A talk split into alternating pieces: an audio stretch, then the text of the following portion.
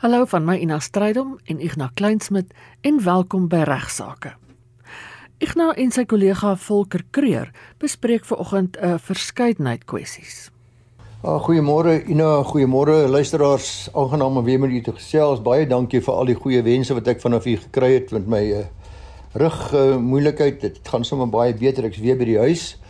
Ongelukkig beteken dit ek kan nie lekker voorberei vir die program nie, maar ek het 'n slim plan gemaak.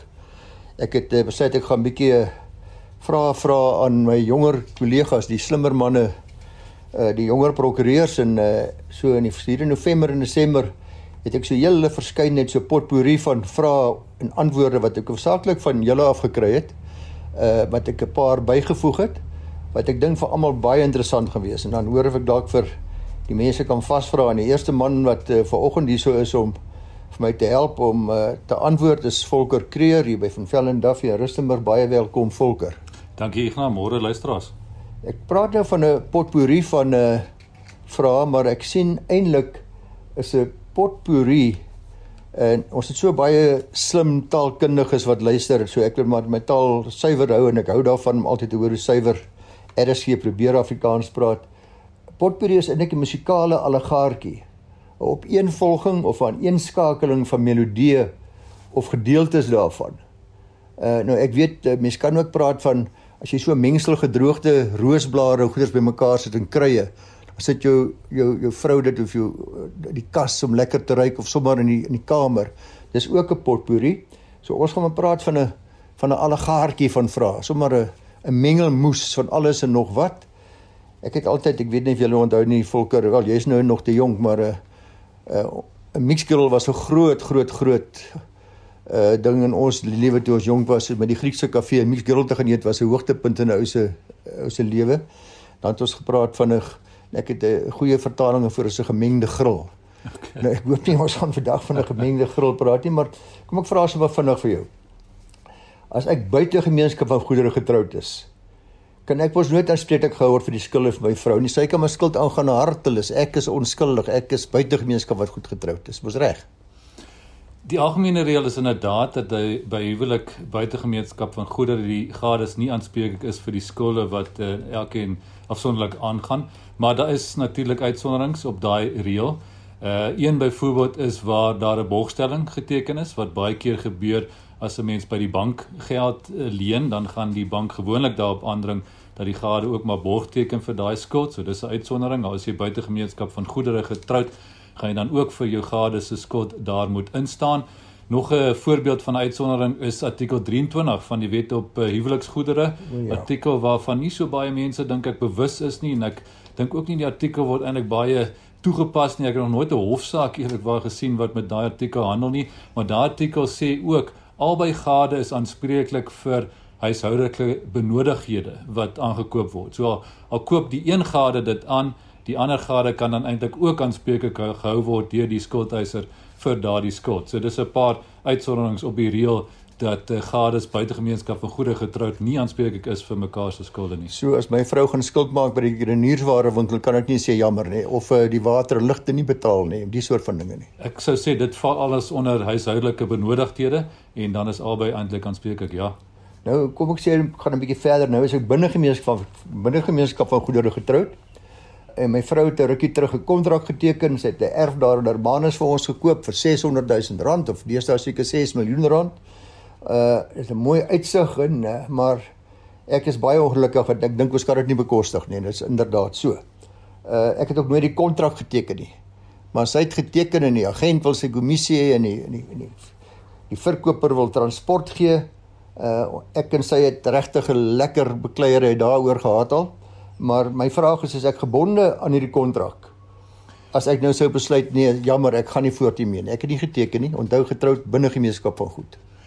Ignak, ek dink artikel 15 van die Wet op Huweliksgoedere is relevant en daardie artikel bepaal dat by sekere transaksies wat 'n uh, huiskoop of 'n erfkoop onroerende eiendom wat aangekoop word insluit, moet albei gades inderdaad uh, die kontrak teken of dan moet skriftelike toestemming wees van die ander gade wat nie die kontrak teken nie. Anders is daai ooreenkoms sou ek sê nie geldig nie. So in so 'n geval sou dit eintlik 'n skuiwergat wees waar volgens 'n mens ek glo kan argumenteer dat so 'n kontrak wat net deur die een gade geteken is vir daai erf daar in Hermanus nie afdwingbaar is nie. So ek dink dis dalk maar ook belangrike uh, advies vir enige verkoper vir enige eiendomsagent is om maar seker te maak dat waar die kopers binne gemeenskap van goedere getroud is dat albei partye die ooreenkoms teken. Inderdaad goeie advies. Ek maar ek het ook 'n vraag vir jou. Uh, die volgende een hierso op my lysie. Ons tuinman het 'n rukkie terug in 'n waterafvoerpyp van die munisipaliteit geval. Hy het ernstige beserings opgedoen en was 3 weke lank in die hospitaal. Ek het die gat al meer as 10 keer by die munisipaliteit gerapporteer en gevra dat hulle dit dringend regmaak. Ek dink amper hierdie was 'n luisteraar se vraag. Die straatlig by die gat werk ook nie wat daartoe bygedra het dat hy in die aand toe hy daar geloop het nie die gat gesien het nie. Ek wil nou die tuinman na 'n prokureur toe vat sodat die hom kan help met 'n eis teen die munisipaliteit. Sal so 'n eis slaag, wat dink jy? Ja, eh, Volker inderdaad was dit ek onthou die vraag vaagweg van 'n luisteraar wat hom ingestuur het. Uh daar's talle sake ons prokureurs praat van die munisipale sake waar munisipaliteite aanspreeklik gehou is op grond van hulle nalatigheid, sogenaamde deliktuele eise, suiwer gegrond op uh, nalatigheid. Ons het nou deesdae ook 'n klomp van hierdie uh, slaggate sake byvoorbeeld. Uh en jou voorbeeld is 'n baie goeie voorbeeld van duidelike nalatigheid. So jou moet jou jy moet beslis jou man uh uh na prokureur toe vat so gou as moontlik. Hy het, gaan 'n baie goeie eis hê. En natuurlik wat die wat die bedrag, die kwantum van sy eis betref sal afhang van die aard en erns van sy besering, maar ek dink hy gaan slaag met 'n 100% nalatigheid sy eis hierso. Natuurlik hang dit ook baie af in hierdie gevalle van die beligting en daar's daar sulke sake afgesien van die slaggat sake. 'n Slaggat is 'n goeie voorbeeld van waar uh, ek ry hierso in Derdelaan hier waar ek woon en daar's nie 'n slaggat nie. Deur die loop van die dag is daar 'n storm uh en erge reën ensovoorts en vanaand kom ek en ek ry deur die slaggat en ek my kar ernstig beseer. Natuurlik daar's geen sprake van nalatigheid nie want ons moet daarin die munisipaliteit nou redelike tyd gegee het om hierdie slaggat te herstel. Maar as dit daai slaggat soos in jou geval gerapporteer was en en die slag en daar was 'n redelike tyd gegee om binne 'n redelike tydperk eh, te herstel, is daar baie baie goeie eise. So ek raai ander luisteraars aan om in sulke gevalle slaggate, oop elektriese bedrading wat nie behoorlik uh, uh, beskerm word deur uh, afskortings ensovoorts nie. Al daai soort van goeders is sake van nalatigheid. Gate in sy paadjies is in die, die meeste gevalle. Ja, so as dit 'n munisipale uh, struktuur is en hulle uh, onderhou dit nie, ja. dan as uitgangspunt is die munisipaliteit potensieel aanspreeklik, maar ek dink nalatigheid, né, soos jy sê, gaan baie keer die vraag wees of jy kan bewys dat die munisipaliteit nalatig was. Korrek. Uh so ja, in hierdie geval ek dink hulle praat hier van 10 keer uh, gerapporteer, so dit gaan dan waarskynlik soveel makliker wees om die nalatigheid te bewys want hulle het dan mos meer as genoeg tyd gehad om hulle werk te doen. amper roekeloos al. Ja, ja. Alright, 'n soortgelyke vraag, ehm um, dink ek wat ook so 'n bietjie met die delikte reg handel. My seun wat op universiteit in Pretoria is, het 'n maand terug op kookolie op die vloer van 'n winkel naby hulle koshuis gegly. Hy het sy arm gebreek en moes geopereer word. Ek sou dink dat die winkeleienaar onder alle omstandighede aanspreek gehou kan word vir ons mediese kostes. Ja, Volker, uh nie onder alle omstandighede nie. Normaalweg is dit weer eens 'n geval van nalatigheid aan die kant van die winkeleienaar. Uh winkeleienaar sal dikwels uitkontrakteer uh deur aan ander maatskappye opdrag te gee en spesifiek te kyk na die sekuriteit in die in die winkel en dit sluit dan dikwels ook in uh die behoorlike skoonmaak en en en seker te maak dat veiligheid van uh kliënte voorkeur geniet, maar weer eens, net soos by die vorige geval, is die is die vraag waar 'n redelike tydperk gegee was aan hierdie in jou voorbeeld om die kookolie op te vee en voorsorg getref. In ander woorde, ek stap in die gang af, hier val 'n bottel kookolie, jy stap reg agter my, jy gly die kookolie. Duidelik nie nalatigheid aan die kant van die winkeleienaar of die kontrakteur nie, want daar was nie redelike tyd in hom gegee nie. Maar die meeste gevalle sal daar spesifieke mense geoormerk wees op die vloer van die groot winkelmaatskappye om seker te maak dat daar so gou as moontlik geallokeerde werkers is wat onmiddellik kom en binne 'n redelike tyd weer eens in hof moet die bepaal wat 'n redelike tyd is. Jy is net besig om my te probeer vasvra. Ek dink kom ons terug by die gedagte dat ek eintlik vir jou moet vra. Uh en ek dink ons luisteraars kan ook baie kennis toets. Hierdie is nogal 'n algemene fout wat mense maklik maak, Volker. Uh kom ek hoor of jy dieselfde gaan doen. Uh ek en jy is in 'n ongeluk by 'n robotkruising. Uh die robot is vir my groen en rooi vir jou. Uh en ek sou dink omdat die robot vir my groen was en vir jou rooi was en ons gebots het, het ek natuurlik altyd 100% saak teen jou.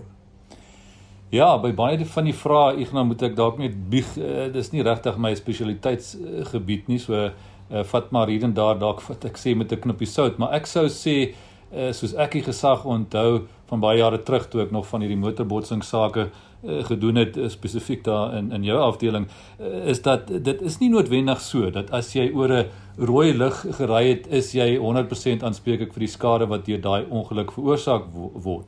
Soos ek dit verstaan, verwag ons reg van 'n persoon wat 'n robotkruising nader om nog steeds uh, uitkoop te hou en ehm um, eintlik ook selfs met foute van ander uh, bestuurders uh, rekening te hou en dan spesifiek natuurlik ook nie te vinnig uh, te ry nie. Uh, wat ook natuurlik bydraend kan wees tot die ongeluk wat gebeur het en so meer. So ek dink 'n mens kan nie sonder meer aanvaar dat die persoon wat oor die rooi lig gery het 100% aanspreeklik is. Die hof gaan in baie gevalle glo ek uh verdeling van uh, uh nalatigheid van van skade beveel tussen die twee bestuurders. So selfs die persoon wat oor die uh, groen lig gery het, kan potensieel ook vir 'n deel van die skade aanspreeklik gehou word, byvoorbeeld waar hy te vinnig gery het en so meer. Ja, 100% volker stem jou saam is ook natuurlik uh, veral ook so by stopstrate. Daar word vir ons almal selfs as jy uit ek die reg van weg en as vir jou 'n stopstraat moet ek tog steeds 'n behoorlike uitsig hou en seker maak wanneer ek 'n stopstraat nader. Dit beteken dat by die bedraande en nalatige die persentasie verdeling mag ek dalk net 10% nalatig wees. Want ek gesien het hoe kom jy ek moes gesien het hoe kom jy aangejaag en besef het jy gaan nie stop nie. So ek moes ook 'n uitkyk gehou het uh, en jy het dalk 90%, maar dit beteken nie noodwendig altyd 100% eis nie. Ja, so ek sou ook dink die een wat oor die rooi lig gery het gaan gewoonlik die grootste deel van die skade moet betaal. Uh, maar nie noodwendig alles nie soos jy sê, ja. Wanneer mag mens iemand skiet wat jy in jou huis of jou erf betrap? En hoe werk toestemming tot benadeling? Kom ons hoor wat sê Ignas en Volker. 'n Saak wat nogal baie aandag in die pers van tyd tot tyd geniet is hierdie saak van wanneer mag geskiet en wanneer mag ek nie skiet nie. Ek betrap 'n inbreker op heterdaad in ons huis. Uh ek skiet hom daar in ons gang naby ons voordeur, skiet ek hom dood met my 9 mm pistool. Dis laat in die nag. Ek kom ons nog nooit nou aan moord of strafbare manslag skuldig bevind word. Hy was dan in my huis gewees. Ja, Ignas, soos ek die strafreg verstaan en ook al met ons strafreg spesialiste bespreek het daar by die kantoor, eh, is die feit dat hy in jou huis is die inbreker nie noodwendig deurslaggewend. Dit is uiteraard 'n faktor waarna die hof sal kyk, maar die feit dat hy in jou huis is beteken nie noodwendig jy kan hom skiet nie. Die die die beginsel van noodweer is soos ek dit verstaan selfverdediging en so meer is dat jy moet so min as moontlik skade aanrig aan die aanvaller wanneer jy nou jou aksie uitoefen om jouself te beskerm. Klink vreeslik ingewikkeld, maar dit is eintlik nou maar die beginsel wat in elke geval toegepas moet word. So as daar byvoorbeeld 'n 'n kind is wat inbreek in jou huis wat 10 jaar oud is wat wat jy sien op die sekuriteitskamera, hy's glad nie gewapen nie en hy is nou net besig om uit die venster uit te klim omdat hy agtergekom het jy is wakker en jy skiet hom dan. Nou is hy in die huis dan dink ek nie jy gaan noodwendig daarmee wegkom nie. So dit hang dink ek af van omstandighede. In so 'n geval sal die hof waarskynlik sê hoor jy kon regtig 'n waarskuwingskoot geskiet het en hy sou waarskynlik uit die venster uit gespring het en dan uh, was die probleem opgelos en jy sou so jou nood, noodweer uh, kon uitgeoefen het. So ja, ek dink die boodskap daar is dis nie noodwendig so dat jy 'n uh, inbreker altyd in jou huis kan skiet nie. Ek weet nie of jy saamstem nie. Ek sê 100% saam Volker en as jy na klomp sake luister en dink uh, ons firma was al daarbey betrokke en dalk jy ook, ek kan nie onthou nie, maar waar mense per abuis iemand skiet wat nie werklik 'n inbreker is nie. In 'n geval het 'n pa sy seun ingeskiet, uh, sy seun doodgeskiet wat uh, die aand gaan uh, gaan kuier het by 'n vriend sonder toestemming en die oggend half 1 by sy venster ingeklim het, by sy kamervenster ingeklim het. En die pa het gedink dis 'n inbreker en sonder waarskuwing en sonder om te vra wie dit is en sonder uh, enigstens seker te maak dat sodat dit sy lewe op daardie stadium daar blyklik in gevaar was. Uh sy seun doodgeskiet. So daar's redes hoekom hierdie uh verskoon die Afrikaans ja, nee, die wig wigte en teenwigte, die checks and balances in plek is. Vir hierdie geval, dit sluit ook maar in wanneer mens iemand buite jou huis sien of binne jou huis sien, is dit maar presies eintlik dieselfde. Ja, ek dink ook buite die huis, né? Beteken nie noodwendig jy gaan nou uh skuldig bevind word nie. So dit hang maar af van omstandighede.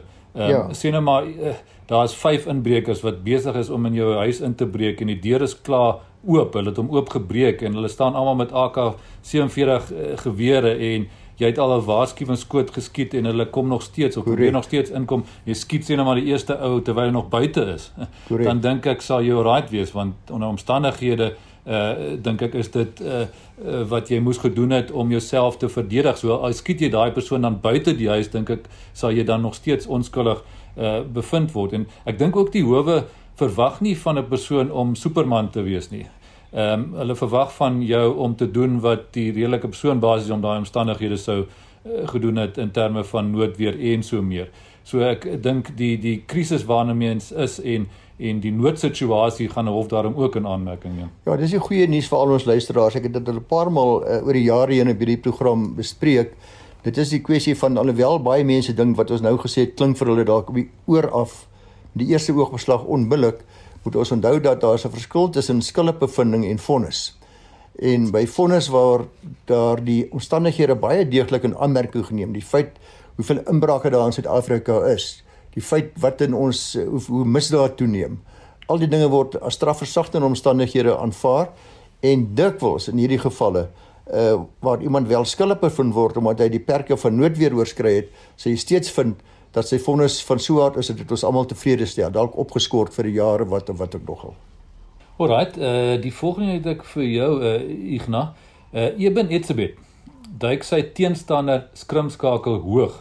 Die skrimskakel se nek word ernstig beseer en hy sal nooit weer rugby kan speel nie. Sal die skrimskakel skadevergoeding van Eben kan eis, wat dink jy? Ja, die hele kwessie luisteraars van toestemming tot benadering, toestemming tot risiko is uh, nogal een wat baie dikwels in sport eh, 'n uh, rol speel en daar's dikwels hofsaake wanneer daardie toestemming tot risiko uh, ge gegee is, maar dan word daar buite die reëls gespeel. Aan die ander wyse die vraag gestelkens as ek toegestem het tot die risiko van 'n rugby uh, spel, dan dan stem ek net toe tot die risiko binne die bepalinge van die reëls. So as iemand my hoog duik wat nie binne die reëls is nie, uh, dan sal ek waarskynlik 'n eis hê. Uh dieselfde kan ek vir jou vra Volker is as ewen uh nou kom ons los maar vir ewen uit. Kom ons los hom nou uit sonder hy is nou nie 'n veld speler nie. Uh kom ons sê net maar as uh Dwayne Vermeulen uh duik sy teenstander uh of hy erg hom liewer se vir sy teenstander. Hy's vies vir hom. Uh die hakker sê vir hom allerhande goed elke keer as hulle in die skramsak sê vir hom lelike goeters en beledig sy ma en weet ek nog wat dit mag wees. Want so tartel hulle mekaar dikwels. Uh hy vererg hom uh tot so 'n mate dat hy uiteindelik sy vuis gebruik en die arme haker katsewing slaan. Uh nou ja, die skakebeen is gebreek, daar's beserings, daar's eise of is daar eise? My eerste advies sou wees om nie vir Eben of vir Dwayne uit te tart nie. Ek dink nie dis 'n goeie idee nie, hulle is bietjie groot. Uh maar nee, ek ek dink ek stem saam met hoe jy dit opgesom het. Ehm um, in daai geval dink ek eh, kan daar min twyfel wees dat daar potensiële eise is want ek bedoel dis duidelik buite die reëls dis duidelik uh, eintlik opsetlike optredes so ek dink daar sal 'n deliktuele eis slaag as jy iemand slaan op 'n uh, jy weet tydens 'n rugby wedstryd of wat ook al dan is daar definitief potensiële deliktuele aanspreeklikheid en kan jy skadevergoeding eis um, en so meer so ehm um, ja dis 'n dis 'n interessante uh, vraag 'n ander voorbeeld is dalk 'n boksgeveg nê as jy in 'n ja. boksgeveg betrokke is en jy ja. word dan beseer dan natuurlik kan jy nie nie eis nie want dit is waartoe jy toegestem het. Die reëls is anders, ja. Uh, ek dink Volenti non-fit en Juria is die regsterm wat ons gebruik in so 'n geval kan jy dan nie eis nie want dit was deel van die reëls van die van die spel, maar andersins is daar wel potensiële eis. In die laaste afdeling praat Ignas en Volker onder meer oor die voetstootsklausule as jy 'n voertuig koop en wat maak jy met daardie gimnasiumkontrak as jy hom wil kanselleer? Volker, ons kan eintlik 'n hele program aan hierdie volgende vraag wy so probeer maar kort wees. Uh maar dit is so belangrik dat ons net weer daarna kyk. Die hele kwessie van uh die aankoop van voertuie, tweedehandse voertuie, nuwe voertuie, maar uh dikwels koop ek die voertuig en dadelik het ek ernstige probleme met die voertuig. Uh amper op pad huis toe, die volgende dag of binne 'n week of wat ook nog al.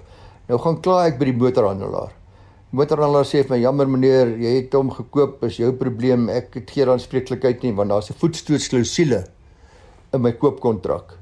Uh toe ek die kar gekoop het. Nou my vraag is is daardie voetstootsklausule afdwingbaar of was daar wetgewing wat ons help?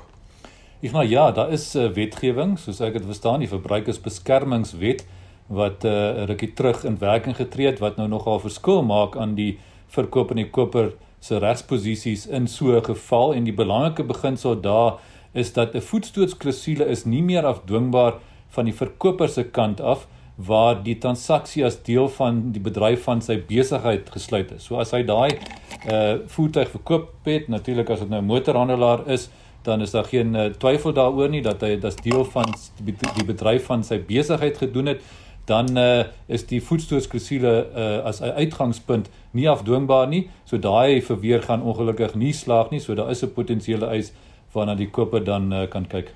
Stem saam. Ons gaan een van die dae weer Kersfees hou. Dis kalkoen en is uh speenvarkies en is allerlei lekker dinge wat vir ons gaan beteken dat ons bietjie gaan gewig optel. En hierso in Januarie dan gaan ons almal gimnasium toe dan moet ons nou almal so gou as moontlik gewig verloor. Uh en dikwels vind ons dat na so 2 maande by die gimnasium dan het ek nou genoeg gehad daarvan en dan wil ek my kontrak kanselleer. Ek is nou spyt dat ek die jaar kontrak aangegaan het. Ek het nie ek ek het nie meer tyd om te oefen nie. Uh maar die gimnasium weier. Weier hulle te reg of weier hulle onregmatiglik? Is daar 'n manier hoe ek uit hierdie kontrak kan kom sodat ek nou nie vir jaar of 2 aanspreeklik hoef te wees nie? Ja, ek dink daar is ook die verbruikersbeskermingswet relevant. Dit is nou maar eh, 'n uh, stukkie wetgewing die soos die naam ook al aandui, die idee daarvan van die wetgewer was om die arme verbruiker uh, te help waar hy uitgebuit word deur die wrede besigheidsmanne uh, en besigheidsgrootmaatskappye uh, en so meer. So in die wet is daar ook 'n uh, bepaling wat sê dat waar daar 'n kontrak gesluit word vir 'n vaste termyn en weer eens uh, die verbruikerswet is van toepassing. As daai kontrak gesluit is in die uh, bedryf van 'n besigheid dan uh, kan die uh, uh, kliënt die verbruiker uh, daardie kontrak met 20 besigheidsdae as ek dit reg onthou kennisgewing kanselleer. Met ander woorde in so 'n geval waar dan nou 'n kontrak met die gimnasium is is daar ook daai opsie om te kanselleer. Die wet sê wel dat uh, die gimnasium dan 'n redelike kansellasiefooi kan hê en dan is daar 'n klompie faktore dink ek in die wet voorgeskryf ja. waarna gekyk moet word wat is nou redelik onder die omstandighede. So jy gaan nie sonder meer net kan kanselleer en wegkom daarmee om glad nie vir die balans van die tydperk te betaal nie, maar gelukkig hoef jy daarom dan ook nie die volle fooie te betaal vir die volle tydperk nie. So jy kan daarom vroeër kanselleer. Ja, dan volker meer jou uh, sterkpunt, maar kom agter dit baie meer sterkpunte as net 'n uh, kommersiële reg uh in boedels want uh, ek wil ook jou vra oor oor 'n meentuis wat 'n kliënt sê hy by 'n ontwikkelaar gekoop. Nie lank daarna nie was hy nou baie spyt oor die besluit. Dit gebeur baie dikwels. Nou sy groot probleem is eintlik dat daar sekere goed na hy ingetrek het. Het hy agtergekom in die eerste reëns uh na so 2 of 3 maande wat hy daar gewoon het dat die dak lek en het ook 'n kraak in een muur ontdek wat duidelik oorgeverf was, wat wat weggesteek was onder 'n ander laagie verf.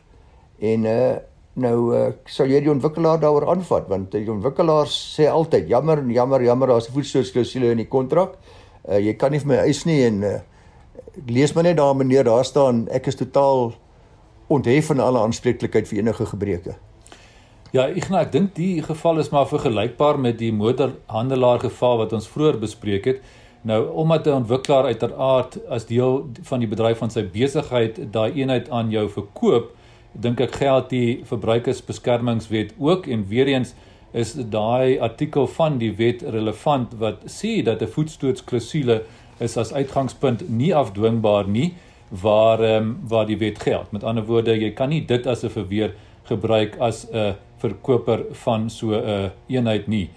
Uh die, die wet maak wel, dit moet ons dalk net noem, voorsiening daarvoor dat 'n koper kan teken en die um, spesifieke gebreke wat daar mag wees aanvaar wat aan hom uitgewys is. So as jy byvoorbeeld voor die kontrak teken vir die koper wys hoe die daarse gekraakte muur, aanvaar jy dit? Parafeer asseblief hier op die kontrak. Daar is ehm um, 'n probleem met uh, die fondasie wat ek al sien jy dit daar teken asseblief hier by die kontrak dat jy dit aanvaar, dan is dit wel afdwingbaar, maar dan moet die spesifieke uh, gebreke uitgewys word en aanvaar word deur die koper. 'n Algemene voetstootsklausule wat sommer al die gebreke uh, dek is nie afdwingbaar nie. Ja, maar is ook uh, waar waar ek en jy mekaar verkoop, ek my huis aan jou verkoop, privaat verkoop. Ja, daar glo ek geld die wet nie, want dit uh, is dan nie 'n verkoping as deel van die bedryf van jou besigheid nie, so uh uh die wet gaan dan nie van toepassing wees nie. Ja, maar selfs daar waar die voedselklausules afdwingbaar is, as die koper kan bewys dat ek het ek het bedrieglik opgetree, sal hy steeds nie gebonde wees aan die voedselklausules. Dis in hierdie geval waar die krake, groot krake toegeverf is of met met putty toegemaak is, met, uh, sou dit duidelik wees dat ek het hom probeer bedrieg en dan sal ek ook kan aanspreeklikheid kan uit die kontrak tree. Ja, ek dink dit is goed dat jy dit noem want ek kry nogal baie keer dat mense dink 'n voetstootsklausule dek sonder meer jou eis vir verborgde gebreke wat die koper dalk mag instel, maar dit is nie so eenvoudig nie. As die koper kan bewys dat jy bewus was daarvan as daar enige vorm van misleiding of bedrog of wat ook al was waar jy dit weggesteek het en so meer, dan gaan jy wel kan eis ten spyte van die voedselsklusule. Volker baie dankie. Daar's nog 'n hele klomp vrae van luisteraars wat ons volgende week gaan hanteer. So skakel gerus weer in. Luisteraars, ek weet nie hoeveel van die vrae u self reg beantwoord het nie, want so baie van u het al oor die jare heen resgeleerd geraak, maar baie dankie dat u inskakel en ons praat graag weer volgende week om 12:30 met u. En ook van my kant af, groete tot volgende week.